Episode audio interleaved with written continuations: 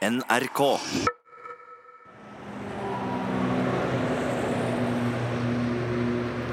Bilene dundrer forbi på E18. Det er som om trafikken går tvers gjennom funkisbygningen fra 1930-tallet, som i dag rommer Brennpunktarkivet i Kristiansand.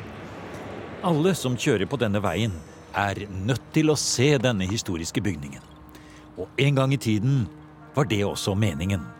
Redselen skulle synes. Det står veldig sentralt plassert, og det tror jeg også Gestapo tenkte på da de etablerte hovedkvarteret her i 1942. Det skulle bygge opp en, en frykt og en redsel, og, og, plasseringen av dette huset og, og hvordan det på en måte dominerer og ser utover byen, tror jeg absolutt spilte en rolle når de valgte seg ut dette huset. Gestapo-kjelleren er jo ofte navnet folk eh, bruker på utstillingen, men den har jo fått et nytt navn. Eh, Brennpunktarkivet kaller vi utstillingen i dag.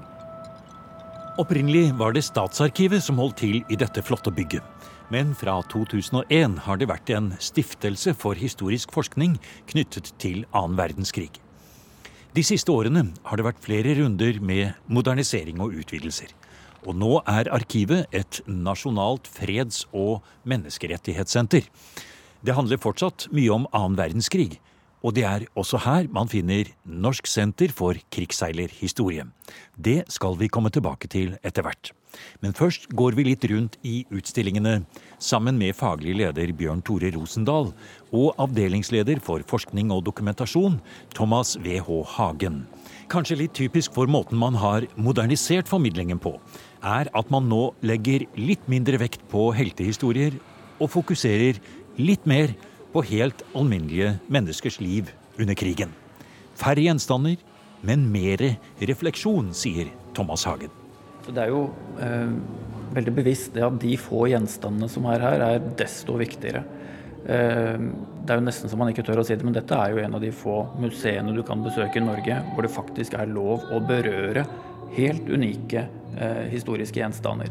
Så det som er stilt ut her, er altså ikke kopier, men objekter som har vært i bruk eh, i illegal virksomhet i Norge. Men den standgun der, den får ingen lov til å prøve, vel? Den er bak glass. Ja. ja. vi går eh, litt videre innover her. Vi går litt raskt gjennom, for vi skal videre til andre steder i dette fascinerende bygget. Her kommer vi inn der hvor cellene var, tror jeg, hvis jeg ikke tar helt feil nå. Ja. Det vi jo nå eh, la bak oss også, var jo da en eh, avdeling hvor vi møter uh, ulike aktører. Og det utvalget av aktører uh, reflekterer jo også hvordan vi tenker noe annerledes nå om hva det er verdt å formidle om andre verdenskrigs historie. Du vil finne noen motstandshelter her, noen var jo faktisk det. Men så vil du finne veldig mange mennesker som egentlig var som deg og meg. Uh, som levde normale liv, men som måtte ta stilling. Eh, og det er jo noe av det da, som er den røde tråden i utstillingen her. altså Handler om møtet med mennesker som måtte ta stilling. Det måtte jo alle mennesker som levde i Norge under okkupasjonen. Og her ser vi det er mye bilder. Det er en eh, bildekollasj som veksler over veggen her. Og det er tegningene til Damslett, som kanskje noen kjenner, som var den nazitegneren innenfor eh, den type propaganda som vi hadde her i Norge. Han var jo en norsk reklametegner som skapte litt av dette bildet av den ariske rases overlegenhet.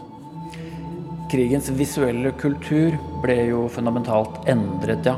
Eh, og på denne okkupasjonsveggen her så ønsker vi å få fram den tyske propagandaen og hvordan den skilte seg fra den norske propagandaen. Mm. Gjennom plakatkunst, men også da ikke minst film. Mm. så etter hvert her så kommer det da eksempler på oh, kinoprogrammene. Ja, det er noe for deg, Thomas. Det er noe for meg. Ja. Og det er klart at det eh, var populært med kino under krigen. Ja. Eh, et av de få underholdningstilbudene som man kunne oppsøke. Og totalt dominert etter hvert av tyske filmer. Og det er klart, noen av disse filmene var rene propagandafilmer, men det store flertallet var underholdningsfilmer. Vi går rundt i stiftelsen Arkivet i Kristiansand og snakker med forsker og historiker Thomas Hagen. Han har doktorgrad på folkefellesskap, forlystelse og hverdagsmotstand under annen verdenskrig i Norge. med helt konkrete eksempler fra kino og film. Hvem gikk på kino? Hva slags filmer ble produsert? Og hvordan, nær sagt, oppførte folk seg i kinomørket? For ifølge motstandsbevegelsen så skulle man jo ikke egentlig gå på kino i det hele tatt. Nei, det skulle man egentlig ikke. Eh, men eh, er det noe min egen forskning har eh, vist, så er det jo at folk de vil bestemme selv. De vil ikke at andre skal bestemme for dem. Og Det samme gjaldt da disse handlingsdirektivene som ble mediert via de illegale avisene. Folk fikk det med seg. Det ble en del av den skjulte samtalen til den undertrykte befolkningen i Norge. Men eh, veldig mange våget seg jo allikevel på kino en gang iblant. Og når jeg sier våget seg på kino, så er det også for å få fram et viktig poeng. Eh, og det er at kinoene ble et veldig viktig sted, tror jeg, med hensyn til å være en arena for hverdagsmotstand. Det var jo et av de få stedene der det var lovlig faktisk å, å samles i store folkemasser, og hvor man relativt eh, uten risiko kunne eh, lufte sin frustrasjon overfor den tyske okkupanten og NS i ly av kinomørket. Eh, man, man, kunne bue og pipe når, når tyskerne seiret på alle fronter i filmavisen der oppe. Ja, det var det man gjorde. Og omfanget av dette har jo tidligere blitt beskrevet litt sånn anekdotisk. Altså, Jeg tror at dette hadde en enorm betydning, og var selve motivasjonen ofte for å gå på kino. Det at man kunne sitte i et stort mørke med kanskje 500 mennesker rundt seg da, og alle eh, gir uttrykk for et eller annen mishagsytring, så kan ingen enkeltperson tas, selv om lysene kommer på. Nei, og Da var det jo instruks. altså Hvis dette eh, demonstrasjoner framkom, så skulle lyset eh, slås på, og forestillingen skulle avbrytes, sånn syndebukk skulle finnes. Ja. Eh, og fant man ikke det, så, så fortsatte jo forestillingen. Jeg syns det er en veldig spennende tema vi er inne på her nå. Et tema som kanskje ikke har vært så veldig belyst heller. Men du har jo nettopp tatt en doktorgrad på dette emnet. Og vi får kanskje komme tilbake til dette i et eh, senere program. Men bare helt til slutt eh, på det temaet. Selv om folk sto da i kø rundt kvartalet når de skulle inn og se Den forsvunne pølsemaker. Hvor mange håper å si, kom og så på Lene Riefensdals uh, 'Viljens triumf' f.eks., og den type propagandafilmer som da kom opp fra Tyskland. Var det like populært? Hovedregelen var at det var fullt hus. Like Uansett, ja. Jeg vil si det. Ja. Uh, bortsett fra i noen helt få uh, tilfeller der det var veldig upopulære norske regissører Eh, som Walter Fürst f.eks. Når han kom med sin film 'Unge viljer', eh, så var det boikottaksjoner. Og Leif Sinding, da, som var den store regissøren i Norge som tok på seg rollen som sjef for det nyopprettede Statens filmdirektorat, eh, når han da gikk tilbake til filmproduksjon og laget filmer i andre halvdel av krigen, eh, så, så var det Da var det ikke mange som kom. Eh, så da da, da kom boikotten igjennom. Men på tyske filmer, enten det var mer eller mindre åpenlyse propagandistiske filmer eller underholdningsfilmer med subtile propagandabudskap, så var det fullt hus. Så er spørsmålet hvem det var som fylte opp kinosalen. Og, og, da vil jeg kanskje tro at eh, materialet i de største norske byene tilsier at eh, rundt en tredel av, av publikummerne var tyske soldater. Ah, ja, for det var jo kanskje 200 000, kanskje noen gang flere tyske soldater i Festung Nordveggen. Ja da, og selv om da Wehrmacht rekvirerte disse eh, kinosalene til separate visninger for de tyske soldatene, var ikke det nok. Og mange kunne jo vært ganske godt norsk, og gikk jo på alle typer forestillinger som en del av det ordinære kinotilbudet også. Større rom for menneskeverd og historiebevissthet er nøkkelord for stiftelsen Arkivet i Kristiansand. Helt konkret kan det være å sette krigsseilernes innsats inn i en global sammenheng, og også ta med de mange utenlandske sjøfolkene som seilte på norske skuter under krigen. Krigsseilerregisteret, som etter hvert har blitt som et digitalt minnesmerke, gjør akkurat det. Målet er at de mer enn 30 000 menn og kvinner, norske og utenlandske, som seilte under krigen, skal få sin egen side med alle opplysninger man kan skaffe om hver enkelt. Både private sponsorer og frivillige i Lillesand sjømannsforening hjalp til, særlig i starten, sier faglig leder Bjørn Tore Rosendal, som siden 2016 har hatt en fast bevilgning på statsbudsjettet til å sikre arbeidet med det digitale registeret. Men eh, jeg tror ingen av oss hadde tenkt hvilken stor oppgave det var når vi først sa ja til å begynne med dette her. Men vi har møtt enormt stor interesse og velvilje overalt for dette prosjektet. så det, Derfor har det f.eks. fra Riksarkivet, som stilte opp og lot oss stille med frivillig, så vi kunne skanne en million dokumenter, som er en hel forutsetning for dette registeret. Og så skal du snart til Larkollen, forsto jeg? Ja. Eh, Jon Michelet er jo grunnen til at vi satte i eh, gang og opprettet Norsk senter for krigshistorie her på Arkivet. Og eh, i forbindelse med hans bortgang så fikk vi da testamentert både hans arkiv og hans boksamling. Og det er den jeg da skal kjøre og hente nå i januar. Mm. Og det skal bli en del av samlingen her? Det blir en del av både arkivet og en egen del av biblioteket vårt. Jon Michelets bibliotek kommer hit. Eh, både fordi at her er det mye verdifull dokumentasjon som han bygget sitt romanverk på. Så håper vi også at det kan bidra til å altså, skape enda mer interesse for ny kunnskap om krigsseilerne. Jon Michelets store romanverk om en sjøens helt, som skildrer krigens redsler og sjømannslivet så intenst, har gitt ny kunnskap og interesse til tusenvis av lesere. Men likevel, de fleste av krigsseilerne er borte. Det er ikke mange igjen som kan fortelle om egne opplevelser. Og det begynner å bli lenge siden krigen. Formidlingen må ta et annet utgangspunkt enn at alle vet hva en krigsseiler var, sier Bjørn Tore Rosendal. Jeg tror det er veldig sånn todeling her. Altså, du har veldig mange tusenvis av familier rundt omkring i Norge som har en krigsseilerhistorie i familien. Men for mange av dem har det vært veldig ukjent, og kanskje også skambelagt. Eh, Jon Michelets bøker har åpnet opp for dette, både når det gjelder det å kunne snakke om historien, men også å lære mer om den. Eh, men så merker vi selvfølgelig flertallet av familien de har jo ikke den kunnskapen eller den relasjonen til historien. Og, og, det er klart man må gå en lang vei for å da forklare og fortelle hva eh, krigsherrhistorien handler om. Eh, hvorfor deres innsats var viktig. For eh, hvis du sammenligner det med Max Manus og, og, de mer kjente heltene som sto for eh, viktige aksjoner, så var jo krigsseilernes suksess det var jo det at de gjorde jobben sin. De var at, på jobben, ja. Ja, Og at ingenting skjedde. Det var jo da de hadde suksess. Når de fikk fraktet bensinen mm og flyene til ankomststedet. Det var jo da de hadde suksess, og da var da de hadde betydning, det de gjorde. 40% leste jeg i din avhandling av eh, behovet for fuel for den britiske eh, krigsinnsatsen, i de første årene i hvert fall, ble fraktet på norsk kjøl? Ja, høsten 1940, da slaget om Storbritannia sto, da, da var ca. 40% av drivstoffet kom på norske tankskip, som var utrolig viktige. Vi vet jo også at norske tankskip eh, som seilte fra USA til bl.a. Stillehavskrigen, også hadde den, denne rollen. Farlig transport, selvfølgelig, men de var på jobben, som du sier. Det var liksom ikke helteaspektet av det. Det var at de faktisk seilte.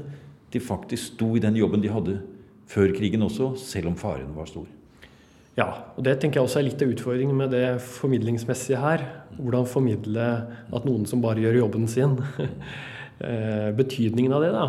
Eh, for det, og det tror jeg Det er en utfordring, men jeg tror også at det å kunne vise omfanget, for det er omfanget her som har noe å si. ikke sant? 30 000 sjøfolk, 1000 skip. Det er da betydningen kommer fram. Og at det hadde betydning for de allierte, det er hevet over enhver tvil. Det var det viktigste norske bidraget.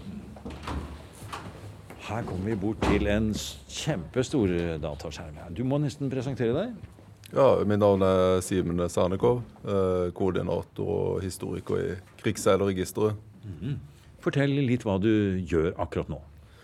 Akkurat nå så svarer jeg på publikumsanvendelser.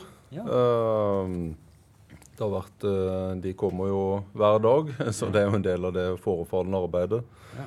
Ta et eksempel på én krigsseiler nå, som du har tenkt det kan være et godt type eksempel. Og så skal vi se hva som da dukker opp. Ja. Jeg tar også, eh, går til forsiden av eh, krigsseilerregisteret, og så søker jeg opp da Og der er det bilde av det vi kan si en, en eldre mann med sixpence? Ja, det, det er en krigsseiler. Ja, med, Som står med sånn gabardinfrakk og et slips, da? Og så eh, Jeg søker opp en eh, person som har ganske utfyllende dokumentasjon, så en kan se ja. typen hvordan vi registrerer. da. Ja, han, og han har jo et litt spesielt navn til å være når vi først snakker om krigen. Ja, Han heter Vidkun Amandus Ravn. Ja. Um, og han var en krigsseiler. Født i 1923, ser vi her. Ja. Og så står det øverst her at han har fått fire utmerkelser. Det finnes tre bilder. Og det er ti dokumenter, og det er 20 mønstringspapirer som dere har på han. Det var da voldsomt så mye dere har fått tak i der? Ja, det, det er riktig. ja. Og vi kan jo gå eh, Altså, eh, det viktigste i denne historien her er jo det at, eh, som det står, at han overlevde fire krigsforlis. Mm. Og han ble da tildelt St. Olavs-medaljen. Ja, ja. Men det, det, er liksom så detaljert her også.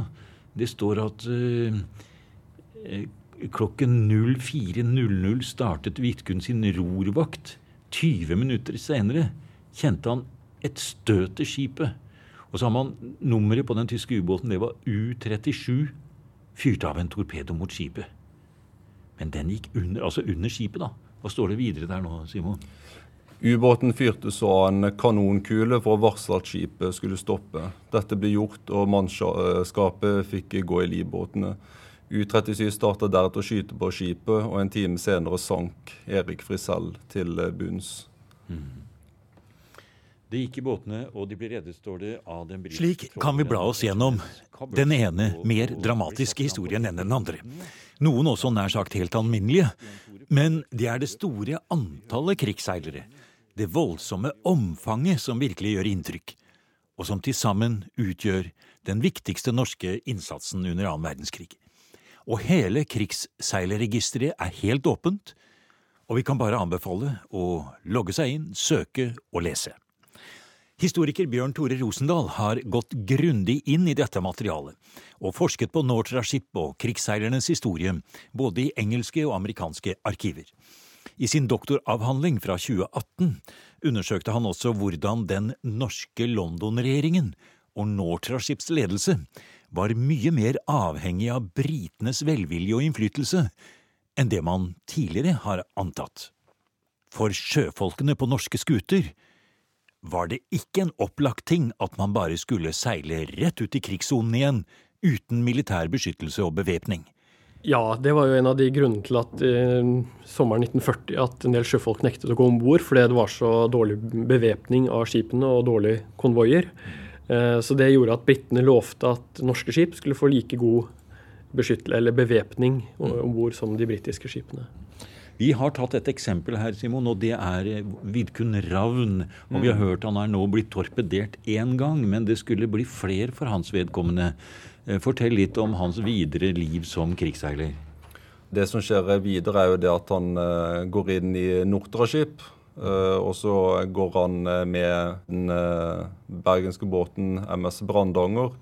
Og det ender opp med at han igjen får nærkontakt med krigen da denne blir torpedert 11.10. Mm. Hm. Og det er enda en torpedering. ikke sant? Da går han om bord i Beduin. Altså, Dette var en kar som ikke ga seg. altså. Dette var en som da ikke trengte så fryktelig mye oppfordringer skjønner jeg, for å gå ut igjen. Han, vi snakker jo om det at det var jo ikke alle som ville ut igjen. Og det var ikke alle som da ville ta tjeneste på nytt da, etter at de kanskje hadde opplevd eh, disse tingene. Men her har vi et eksempel på en person som ble utsatt for dette tre ganger.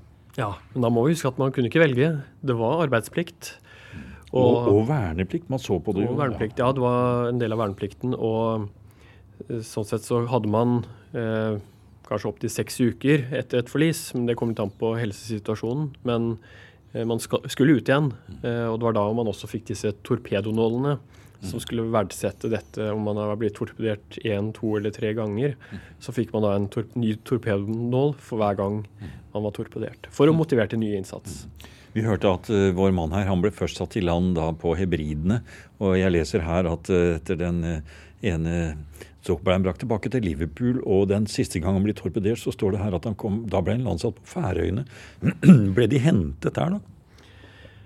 Ja, det, her var det jo et svært apparat. Og um, man, det er viktig å huske på at um, norske handelsflåtens innsats var en del av den allierte innsatsen.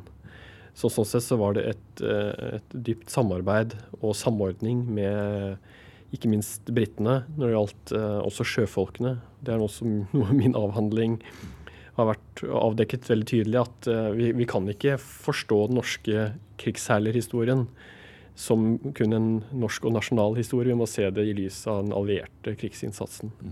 Ja, Hvis vi går litt inn på det, hva kunne egentlig norske myndigheter gjøre for å tvinge de som ikke ville ut, til å seile igjen? Hadde man egentlig noe juridisk kraft når man satt der i eh, England og i London, i ambassaden og ellers, og var egentlig gjester i et eh, fremmed land? De hadde jo på en måte politisk asyl der, hvis vi ser det på den måten. Den norske eksilregjeringen hadde vel egentlig ingen myndighet på britisk jord. Ingen myndighet utover den britene selv ga dem. Og, og det var også bakgrunnen for at uh, britene sommeren 1940 tok initiativ til at uh, de allierte maritime nasjonene kunne opprette sjømannsdomstoler.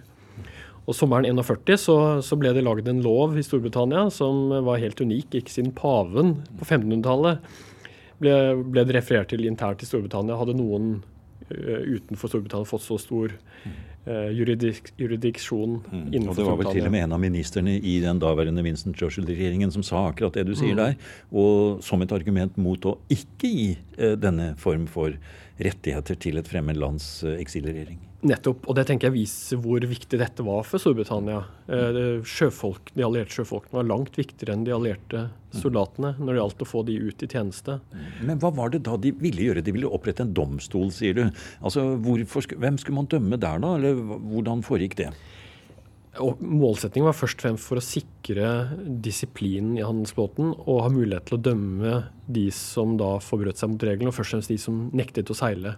For dette var en plikt. Um, så dette var riset bak speilet på en måte mot sjøfolkene? F.eks. sånn som vi hører her blir torpedert den ene gangen etter den andre. Men etter en friperiode og en nål i jakkeslaget, du skal ut igjen. Hvis denne Vidkun som vi har hørt om her, hadde nektet, så ville han kunne ha blitt stilt for denne domstolen da i, i England. Som det var i mange byer, ikke bare i London, men i Glasgow rundt hele, forstår jeg. Ja da, det var, var det seks byer tror jeg, i Storbritannia. Så var det domstoler, og de dømte både til fengselsstraffer i britiske fengsler og bøter kunne bli gitt. Og, men veldig mange sjøfolk, når det kom så langt, så ga det jo etter, da. Mm. Eh, selvfølgelig. Og det var jo litt det samme i USA òg. Der var det mye vanskeligere å få til et samarbeid. Ja, for Nortraship hadde jo to kontorer. Det ene var jo i England, og det andre i USA. To litt forskjellige vertsland der. Amerikanerne ville ikke gå med på i det hele tatt at de norske eksilmyndighetene skulle kunne ha en egen domstol der borte. Så hva gjorde man da med det de kalte for desertører? Det er jo et fælt ord, mm. men de kalte det for desertører. Ja, nei, desertører var det et ord som da de var fortsatt å bruke, men det passet jo sånn sett bra for å nettopp for å tvinge sjøfolk til innsats. Mm. Eh, og da samarbeidet man etter hvert med amerikanske immigrasjonsmyndigheter mm. eh, for å stramme inn hvem som fikk lov til å oppholde seg på land i USA. Mm. Og, og, de som da nektet å seile, de ble bl.a. med hjelp av norske etterforskere mm. eh, samlet inn og plassert på Ellis Island. Ja, som er der hvor frihetsgudene ja, står. Hvor de da fikk valget mellom å gå på et norsk skip eller bli deportert tilbake til Storbritannia, hvor de da ble stilt foran en sjømannsdomstol. Mm. Og der kunne de bli dømt til å seile på en båt som bare gikk i britiske farvann? Ja, for da var man jo garantert at de ikke kunne hoppe av i USA igjen hvis man bare seilte den farlige kysttrafikken rundt Storbritannia. Historiker Bjørn Tore Rosendal ved Stiftelsen Arkivet i Kristiansand kunne ha fortalt om også mange andre sider ved den norske krigsseilerhistorien som ikke er så kjent.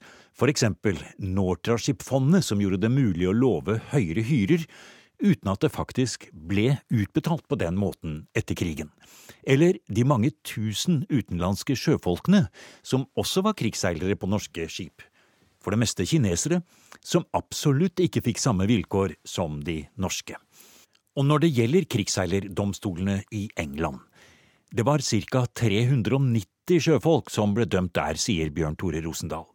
Ikke et stort tall når vi tenker på at det bare er rundt 1% av alle som seilte på norske skip. Men det er også en del av historien. Det er klart at dette er jo en del av historien som verken norske myndigheter, norsk sjøfolk eller britisk myndighet for den saks skyld har mm. hatt så veldig stor interesse av å fortelle om. Mm. Og derfor har det nok vært en vanskelig historie og, og ikke så mye fortalt heller etter krigen. Så det er fortsatt mye å forske i når det gjelder den norske krigsseilerhistorien. Og som historiker Thomas W.H. Hagen sier, krigsseilerregisteret kan i seg selv inspirere til ny forskning. Ja, jeg synes jo at altså, Krigsseilerregisteret eh, er et digitalt minnesmerke. Det er et dokumentasjonsverktøy, og så er det jo en fantastisk kilde. Eh, og eh, etableringen av dette gir jo eh, uante muligheter for formidling og forskning i årene som kommer. og der er vi jo bare så vidt i startgropen. Og dette er jo også grunnen til at vi ser dette som en modell for å etablere et digitalt fangearkiv. Over samme lest profiler på personer som har vært i fangenskap og så kan man kanskje eh, spørre ja, men fins ikke dette allerede? Og det gjør det jo ikke. Om to år så er det eh, 75 år siden frigjøringen, og vi har fortsatt altså ikke et eh, levende arkiv med kvalitetssikret informasjon om hvem de norske fangene var.